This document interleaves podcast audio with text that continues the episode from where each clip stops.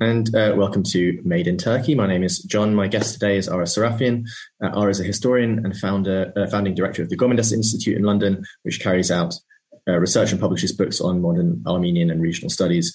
I've known Ara for uh, quite a long time, um, and I made a, a, short documentary about his work in 2015 uh, when you you took a, a group of uh, of scholars and uh, people from the Armenian diaspora and uh, and people from Turkey as well to uh, some of the uh, some of the locations where the Armenian genocide uh, massacres happened, um, and you've been working on not just on the on the genocide but on reconciliation around the genocide and its legacy for a very long time.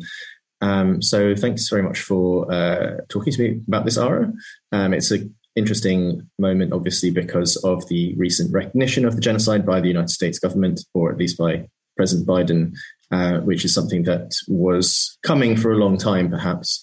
Um, and um, so I thought we could uh, take stock of what the current situation is and um, where this recognition kind of leaves the the debate on the Armenian genocide and its recognition in general. Um, so, uh, just as a very basic first question, I thought maybe we could just sort of look at what what is a genocide and how how can we define it. Um, uh, obviously, you, are not a you're not a lawyer or, or, a legal scholar, but in terms of uh, what it means for the the recon- recognition of the Armenian genocide in particular, how do you understand um, the word genocide? Yeah. Well, hello, John, for a start. Um, well, the, the, the, term genocide means the murder of a genus, a, social group, just like homicide is about killing individuals. Um, so, what I understand, and as a historian, is the attempt to wipe out, to exterminate a, a given, um, in this a given population, in this case, Armenians. It's a very simple definition. Yes, there are more elaborate ones. There's Raphael Lemkin, there's the United Nations, there's case law. But at the simplest, it's the attempt to exterminate or destroy a, a nation or social group. And that's what Armenians were subjected to in 1915. Um, you've been working on uh, on the history of the of the genocide for a very long time. You um, uh, you first went to Turkey in um, when in the eighties.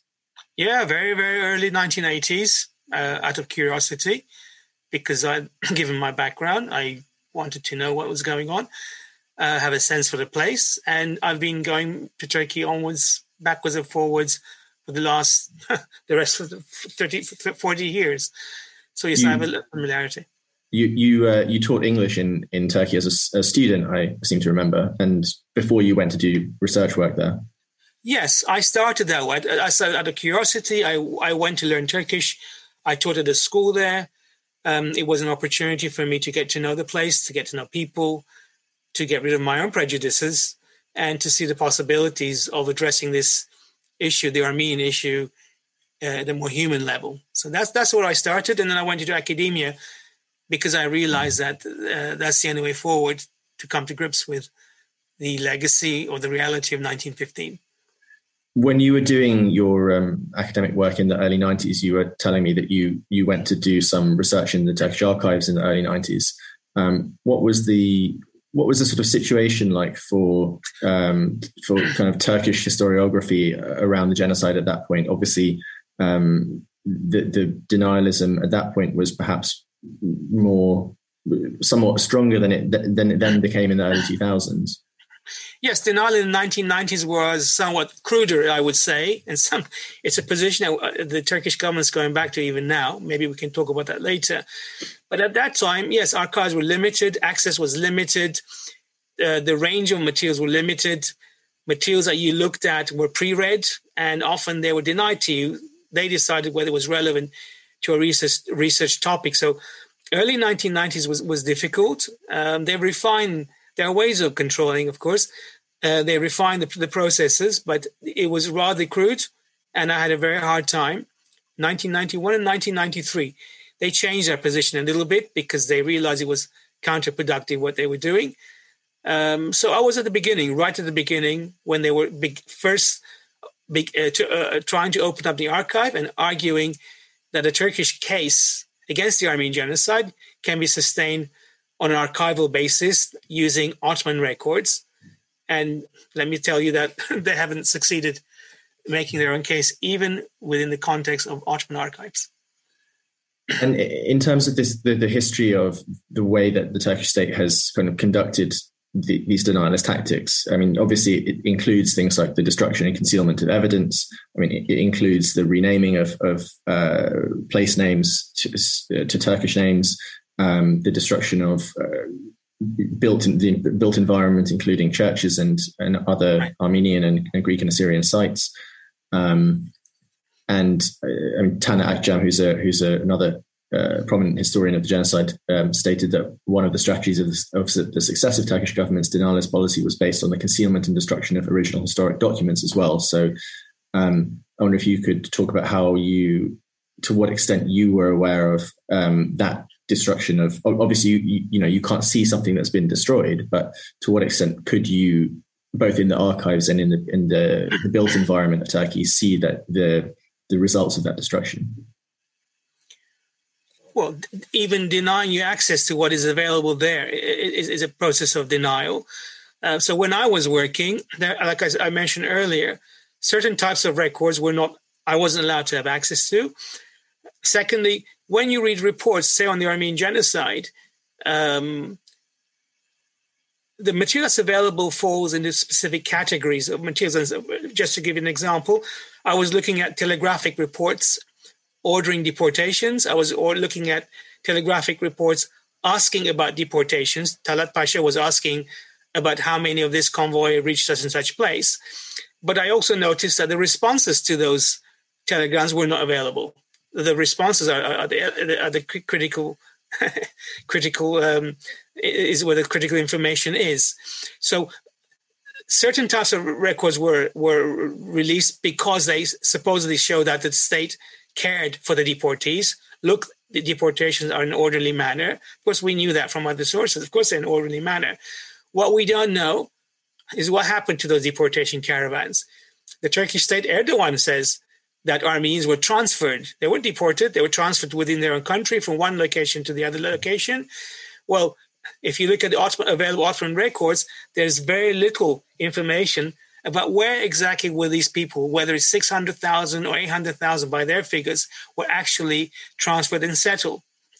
The only source that I found in this regard that gives you some idea are a, a survey that the, the, the, the, Turkish state did, and at, at the time the Ottoman state did, where they did a survey of survivors in 1917, where the Armenians were in the Ottoman Empire.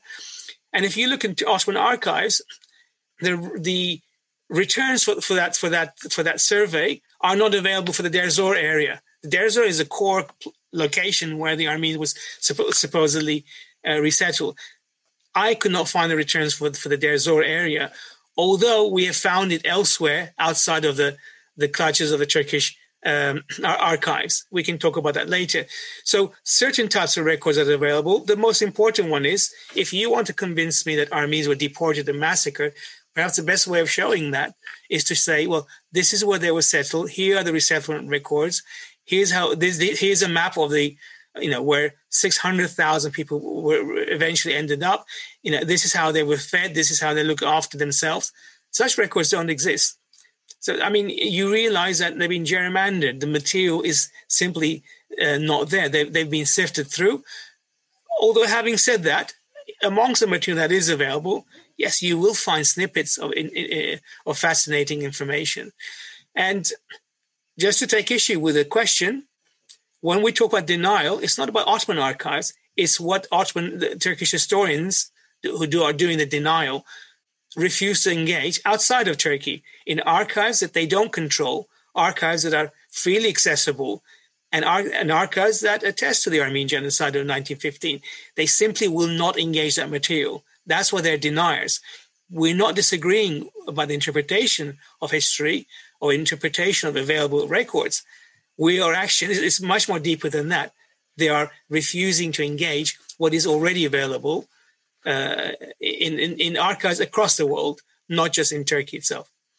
Perhaps you can um, tell me a little bit about. Uh, I, I, was just going back and reading your Wikipedia page again, and um, you, you, had a, a, sort of a, debate with Yusuf Halaçoğlu, um, where he proposed a joint case study, or you proposed a joint case study yes. of what happened in the Harput region.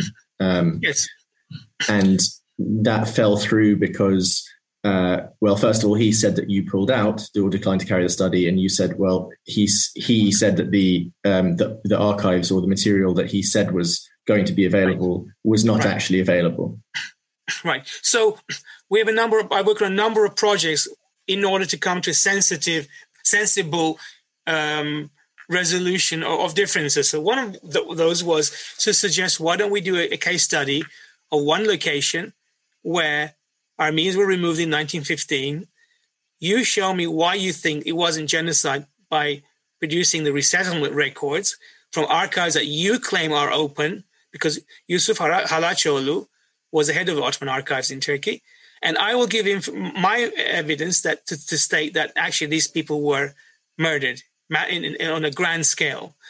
And Halaçoğlu agreed to this project because he was frankly embarrassed because the proposal to him was made by Turkish journalists who thought it was a good good exercise. And in the end, he he pulled out. And only I found out from CNN Turk that he had done so with a declaration that Aras Sarafyan was afraid to go forward. My proposal can st- still stands. Let's do a case study of Harput, if, you know, where it's not a war zone, it's a peaceful area where Armenians d- d- disappeared. And let's you show me what Ottoman records have. If, as President Erdogan says, there are millions of records available that somehow support a Turkish position, then all right, pick up those relevant records, put them on the table, and I'll be the first one to endorse them, saying, yes, you are right. My contention is that you're not right.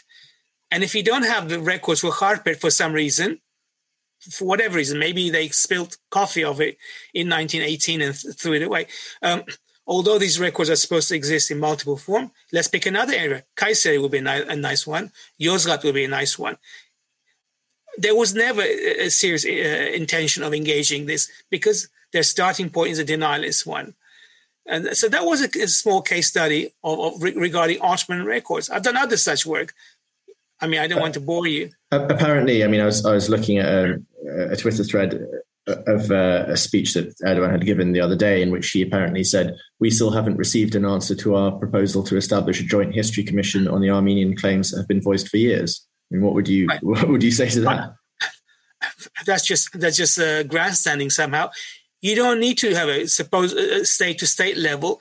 The Turkish government can invite any number of scholars. They can say, "We invite Armenian historians.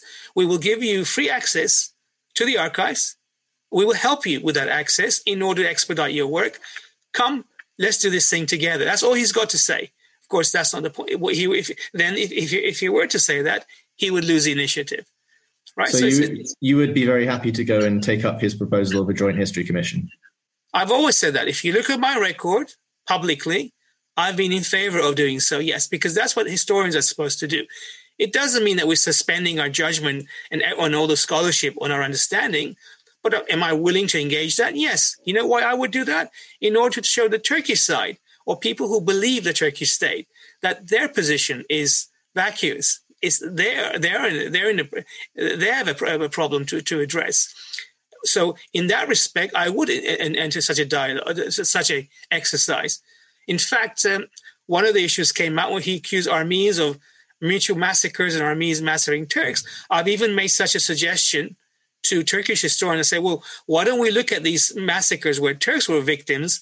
Where did they take place? What were the numbers involved? And let's put them in a, in a proper historical uh, context. They didn't do so. There is no willingness to enter into a meaningful uh, dialogue, a meaningful academic dialogue and engagement, because their purpose is political. It's non-engagement, while but while concealing the fact that you are willing to, uh, you're not willing to do the necessary work to resolve this matter. They know what the score is. Turkish official historians know what the score is. They even forge arguments. And uh, just to give a quick example, because it matters, it's one of the other projects I did. April 24, 1915, Armenian intellectuals were arrested. 90 of them were sent to Ayash prison, the political prisoners. So here's a control group of 90 men who were state custody, who were sent to prison. There's no reason for them to disappear, is there? Well, the head of the Turkish archives even wrote a, an article saying, oh, these Armenians survived until 1918 and they were released using entirely Ottoman records. One of the eh, my exercises was I actually went to, back to the Ottoman archives and I checked his work and I found that he fabricated his argumentation. He, he and this is deliberate. He argued that there were still records as these people were alive in 1917, 1918, when in fact you, you, we know they were sent to this prison. We know who they were, and all correspondence regarding regarding them, whether it's petitions, medical re- reports, letters, everything stops in the summer of 1915. It's the antithesis of what the argument he was making. And I wrote my response in Turkish. I published in Agos. I invited him to respond. He didn't respond, and frankly, neither did other Turkish historians, nor was a pressure put on him to respond. So here's the, the head of the Turkish archives fabricating an argument on, on the Armenian genocide using Ottoman records. And when he is challenged, he still will not defend his own position, but he will repeat it. So you find the argument by Yusuf Sarınay, even on, on the website of Turkish Foreign Ministry, saying, you know, deportations were an orderly affair and here's an, and, and here's an example of how these 90 prisoners were sent to Ayash prison. And then they were kept there until the end of the war, war and released. It's a very simple exercise. Were these people alive or not? As Halsman would say, you know, is Elvis Presley dead or alive? You know, it's, it's, it's a straightforward question. And this is a question anyone can ask. And this is a head of the archives forging an argument entirely based on Ottoman records. We're not even talking about other sources this is a flavor of what we're dealing with. It, it's um, just to criticise uh, the UK as well, uh, le- lest people think that we're we're just uh, you know uh, being um, uh, specifically criticising Turkey. The thing that this reminds me of sometimes is um, I don't know if you know about uh, Operation Legacy, but Operation Legacy was was a, a, Foreign Office. Um, Foreign Office and Security Services uh, plan to basically destroy um, a lot of the colonial era uh, archive archival material that was held in British embassies in um, places like Delhi Kenya, and so yeah. Kenya and so on. And when Britain, uh, during the the sort of the, the period where Britain uh, left all of its imperial possessions, one of the last things that um, a, a, lot of people remember uh, who lived in those cities um, was the, the plumes of smoke that were coming up out of the British embassy from them burning all of their, you know, presumably incriminating documents about people that they had arrested and tortured and so on. So, I mean, this is something, you know, that this kind of obliteration of incriminating evidence is something that is not unique to Turkey uh, or to the Ottoman Empire but you know is is quite a common thing um, for a lot of uh, you know countries that that abuse their their citizens or, or the citizens of their their colonial possessions do.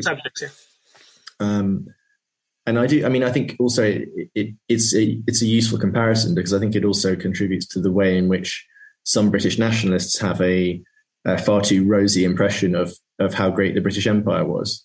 I mean, I think right. that there's there's a similarity there between um, you know, Turkish people who don't want to believe that the, the, the creation of the modern Republic of Turkey could have involved such violence, and British people who don't want to believe that the, the empire could have involved such violence as well.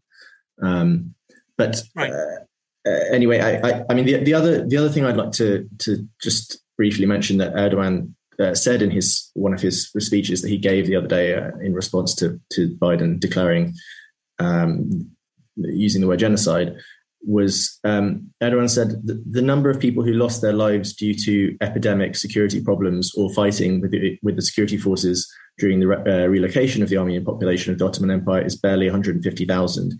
Um, and he also said, nowhere can you find mass graves belonging to Armenians. Um, what, uh, so I just I wonder I mean, I know you, you said that uh, again, obviously the, the massacre sites have been under the control of the Turkish Republic for a very long time, and some of the evidence has been lost and destroyed. But um, you know, we we went to some of the places in 2015 where massacres had happened. Um, the Dudan crevasse, um, the, valley outside of um, Diyarbakir or Batman, or one of those cities. um, you've been to lots and lots of places and talked to people um, who live, who, you know, who still live in places where Armenians had lived before the genocide, or places where people remember um, uh, remember what happened. I wonder if you could maybe just say a bit about what material evidence might still exist in terms of um, massacre sites, human remains, and also the, the, the memory of what happened. I, I mean, the, the, obvious place to go if you want to count your bones would be go would be to go to Deir Zor, because there are mass graves there, and people have excavated them. Um, Robert Fisk was so moved by that he became a major advocate of recognition when he saw after a rainstorm these bones coming out where the Armenians were reportedly murdered. So inside of Turkey itself, uh, yes, the, the most important evidence is, of course, from ordinary Turks and Kurds who, who live in those sites them, themselves. Um, it's part of their own folk memory. Their ancestors were involved in those killings, and they're quite openly well-meaning people are quite open about, about talking those those murders. If we had access to Turkey, I, I dare say we could find the actual locations that have buried people as well, or do excavations where some of the remains will still be there, like like teeth and so forth, in the Kharpet area. But one needs access. When David Gaunt found um, uh, a massacre site or, or a grave uh, of, uh, of people in was in 20, 30 years ago, um, you know, the Turkish state took over the, the, the, area itself. And then afterwards, they, they declared it was a Roman era uh, graveyard or grave site. And so uh, they're in a position of power and they have, and, and, and they're politically committed to, to, to deny.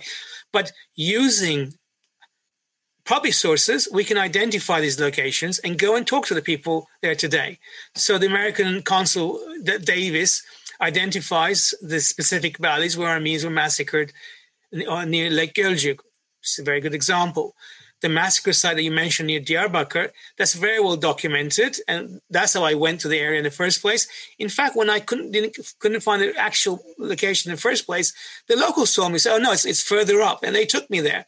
He said, "This is where the 600 Armenians from Diyarbakir, the first caravan, the first convoy, was massacred." And they still talk about how rich they were. Of course, the description will tell you that too. They were businessmen, so they got to plunder their victims. In fact, they fought afterwards, apparently, over the plunder, and uh, and some members of the family even have published about their family's role in that massacre. So the Armenian genocide is a, is a, is a part of the living memory of the people there today. They are not all deniers. The Turkish state is is denying, and it's it's and, and one can combine so written sources from outside sources, as well as people there today, to put one and one together and say, yes, this is where this massacre took place, this is where that massacre took place. And this idea that there are no such sites for uh, it's it's ludicrous. Um, I, I was maybe to, to go back to um, what the, the, the, British government's current position on this and um, what this the decision by the U- U.S. government means going forward from here. I mean, the, the UK's position, as far as I understand it, is um, that uh, I think in 2010 they said that the British government recognises that terrible suffering was inflicted on, on, on, Armenians living in the Ottoman Empire in the early 20th century, and we must ensure that the victims of that suffering are not forgotten. However, we believe that it is um, uh, it's not for uh, for us to um, uh, it's not appropriate to apply the term genocide to events that predate the 1948 Convention on Genocide and where no legal judgment can be made. Um, so, uh, do, you, do you think that the British government's position there sort of becomes more untenable as other countries do actually recognise that it was a genocide? And do you think yeah. that it's possible that the UK government could change its position, or do you think that given the economics of Brexit and the need for um, the British government to um, to have a right. trade deal with Turkey, that they would just not do that? Yes, you know, we said the British, the British have a transactional relationship with Turkey. Part of that relationship is sort of massaging the genocide issue, non-recognition. Um, now the British authorities are in a more difficult position because, in some ways, they're paymasters. The Americans have changed their, their, their own role uh, on this matter, and I'm not sure how the British state itself can sustain its position. And this, the non-recognition is not just not call, calling a G word in Parliament. Even in this country, on Holocaust Memorial Day, Armenians are excluded as much as possible because of pressure from the Foreign Office. This is what people in Holocaust uh, Memorial Trust say openly. It's an instruction from the Foreign Office not to mention the the A word, the Armenian word. There's something. Um, I mean, we can be childish, but we can say, well, the 1948 Genocide Convention or the, the principles were applied to the Holocaust, which also took place before 1948. So it's a matter of convenience. And we're not looking for a judicial, um, when we say recognition, we're not looking for a judicial ruling. It's about how, whether it's appropriate to use a definition of genocide to describe what happened to Armenians. And of course, of course it is, especially when Raphael Lemkin, who coined the word genocide, he said it's what the Turks did to Armenians, literally, word for word. So the British position is a political one. We are gen- genocide deniers uh, because it suits us to do to, to do so, and that makes me very uncomfortable because our own commitment to the whole genocide convention is questionable. It's a question of um, it's like uh, was it Henry Chris Kissinger said, you know, Pinochet is our son of a bitch, and we're not going to criticize him. That's that's it. That's the attitude. It's not principled. It's not about an international world order, uh, maintaining some order. The idea is is is is, manipulating uh, these opportunities to uh, in accordance with state interests. So we will criticize China. Parliament will pass a, a, a, a, resolution on it now that China, especially, is a is a, is a target for a number of other reasons. And but we will not do so. The British Parliament will, will not necessarily engage the Armenian one, even though the British articulated the Armenian genocide thesis in 1916 with their own parliamentary blue book. It's all politics. Do, do you think that paradoxically that this decision might actually improve U.S.-Turkish relations in the in the long run? Because you know it's been such a kind of um, uh, you know the, the use of the word genocide has been such a uh, stumbling block you know that that people have not been able to get past that you know both for US Turkish relations now that we've got past that point maybe you know it will sort of people will sort of forget about it and move on and we can actually move on to discussing some you know actual actually useful subject rather than this interminable discourse about whether to use a particular word or not. And also i mean do, do you think you know from the point of view of the armenian diaspora that that now that the us government has used the word genocide that it can it can also help the, the Armenian diaspora to move on from from that particular um, issue that they that, that has been so prominent um, in their in their discourse as well. Okay, you touch on some important matters here. First of all, um, Turkey's recognition the Armenian genocide or sensible debate is already happening within Turkey, with the democratization of Turkey, with freedom of thought and expression I think that um, that part of Turkish society will broaden. Um, 20, 30 years ago, people didn't use the G word. I would say a third of Turkish population recognizes the Armenian genocide, and it was and it's increasing. So they're not necessarily committed to their own state's position. They're having hysterics right now because the United States recognizes the Armenian genocide. In some ways, polarize the field. I'm, I'm, i understand that the state is coming down like a ton of bricks. I've seen some of the writings in Turkey where they're much much more reactionary now. They're much more less much more intolerant towards alternative perspectives. That's a measure of their own weakness. They're not going to break relations with the United States, and I think this issue will be resolved more and more on a more equitable basis. My concern is the diaspora, whether political circles in the diaspora will use only the opposite these the opportunities to attack Turkey, and they can in terms of boycotts, divestment policies from the United States, reparations issue. I mean, these may very well come up, especially if it suits the purposes of Western countries. And Armenians can very well become instruments in that respect, anti Turkish instruments for even the United States to use. I would hate to see that happen because I think the right resolution is uh, Armenians and Turks resolving this between them openly not but not by the Turkish state telling us to, to fall in line with them, but them being responsible for what they say and doing so in an open manner and let Turkey's population see what's going on. I think they are the victims of the current debates. They don't know what to, to say. They're, they're living in an authoritarian state. Uh, as you know, journalists, academics have, have been imprisoned.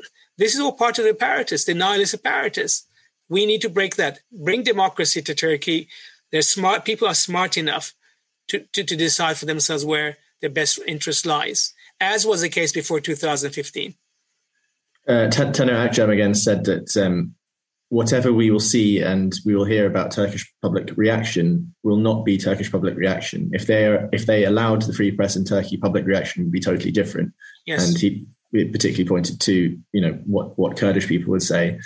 Um, he said also there's a basic change in Turkish society in understanding the Armenian genocide.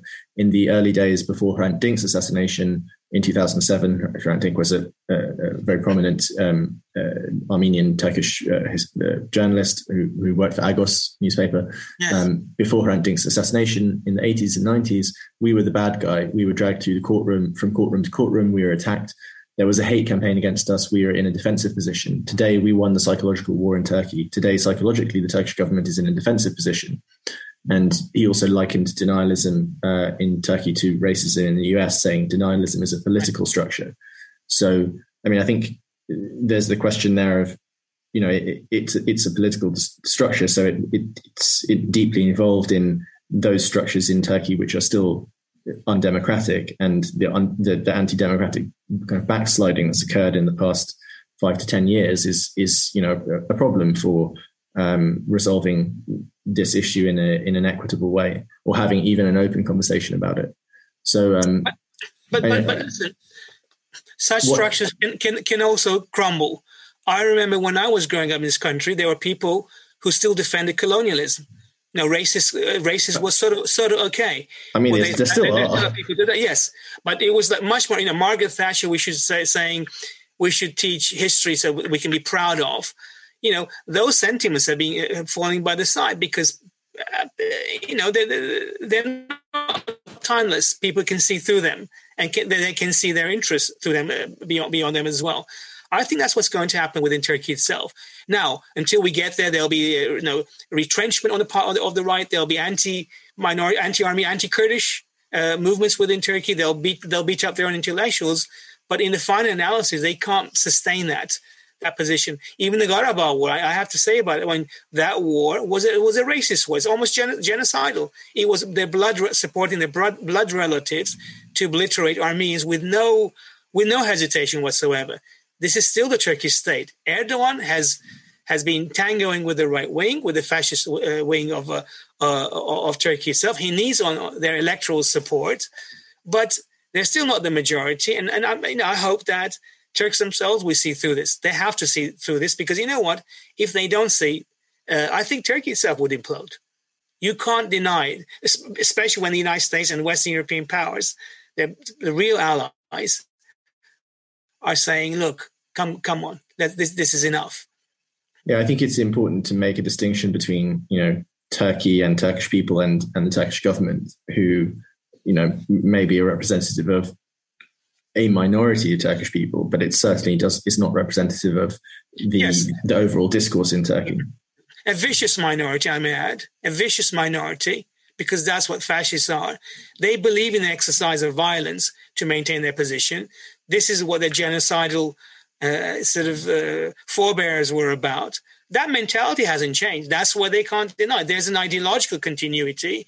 There's an ideological state tradition, and I think that itself is up for for for, uh, for criticism. It's part and parcel of the same thing. I think there's something there's something tragic almost about you know how Erdogan's party, you know, given yes. that it given that it was by Turkish standards, uh, you know, uh, um, Rebel, yeah, it was it was uh, well i mean i uh, wouldn't maybe necessarily go that far but you know i guess i guess to some extent i mean it was Even, it was more willing to talk about minority rights. It was more willing to recognize the, the pain and suffering that kurdish people and um, uh, and other minorities had um, had experienced. And you know for it to kind of revert to type you know by just going back to this needing the nationalist votes it's it's very and, sad.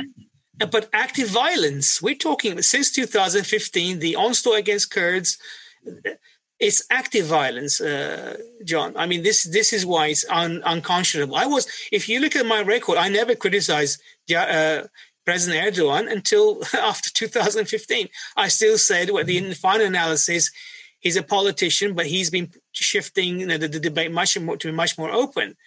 Yet in 2015, he reverted reverted to type, as you say, yeah, because of his alliances with the with, with the MHP, with the Turkish fascists, the Grey Wolves, um, and resorting to mass violence, mass violence. I wonder whether, I mean, just finally, um, uh, I wonder, you know, what's your feeling about the the use of the word genocide by Biden? Uh, you know, as a you know as a member of the Armenian diaspora, how how did it make you feel? By, from Biden, well, you know what? When Congress recognized it, was I think we already made the, the point. In fact, Congress even stipulated that it should be commemorated and it should be taught. I mean, I think that's more important than simply recognizing it yes, it's important because it will allow it will allow the, the debate to go along. It will and it will be, as many Turkish um, dissidents will say, it's important for them uh, as well as, as as for us. It shows that we have backing and legitimacy.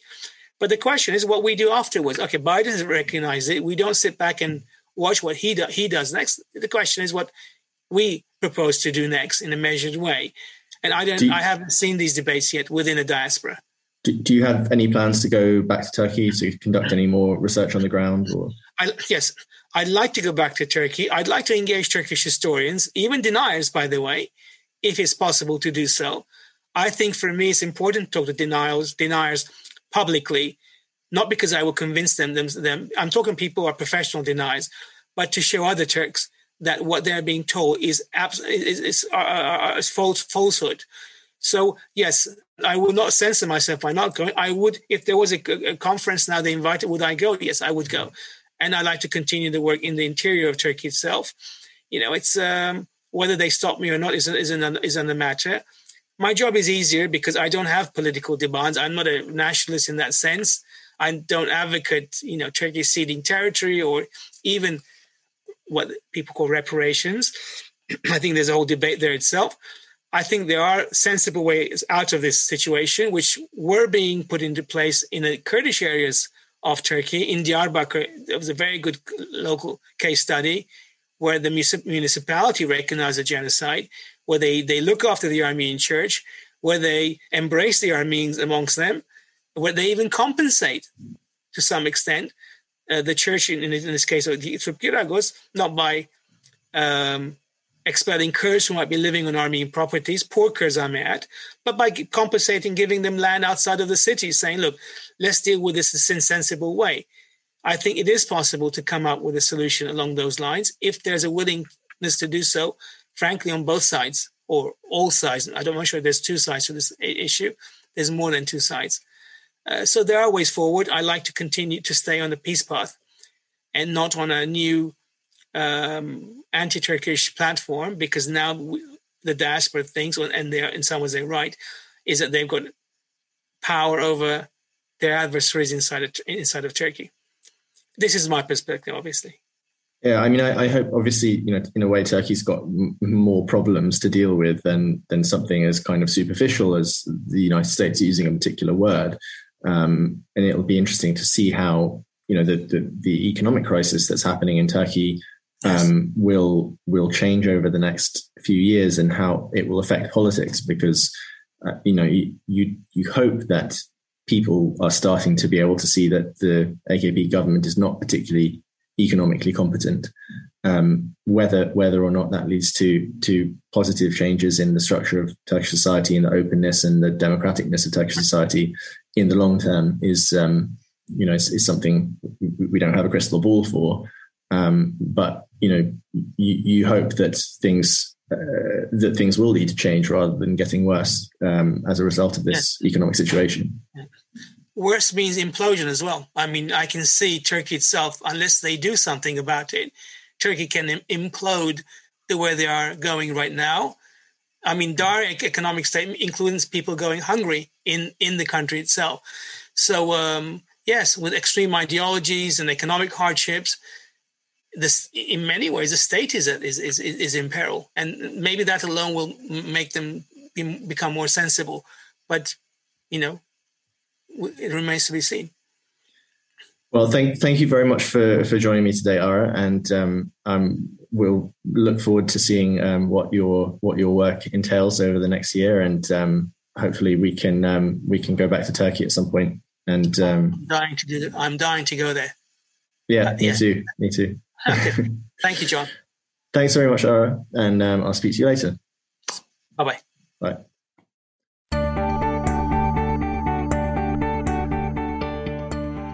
You can follow Ahval News Online podcast series through Apple Podcasts, Spotify, YouTube, Google Podcasts, SoundCloud, and Spreaker.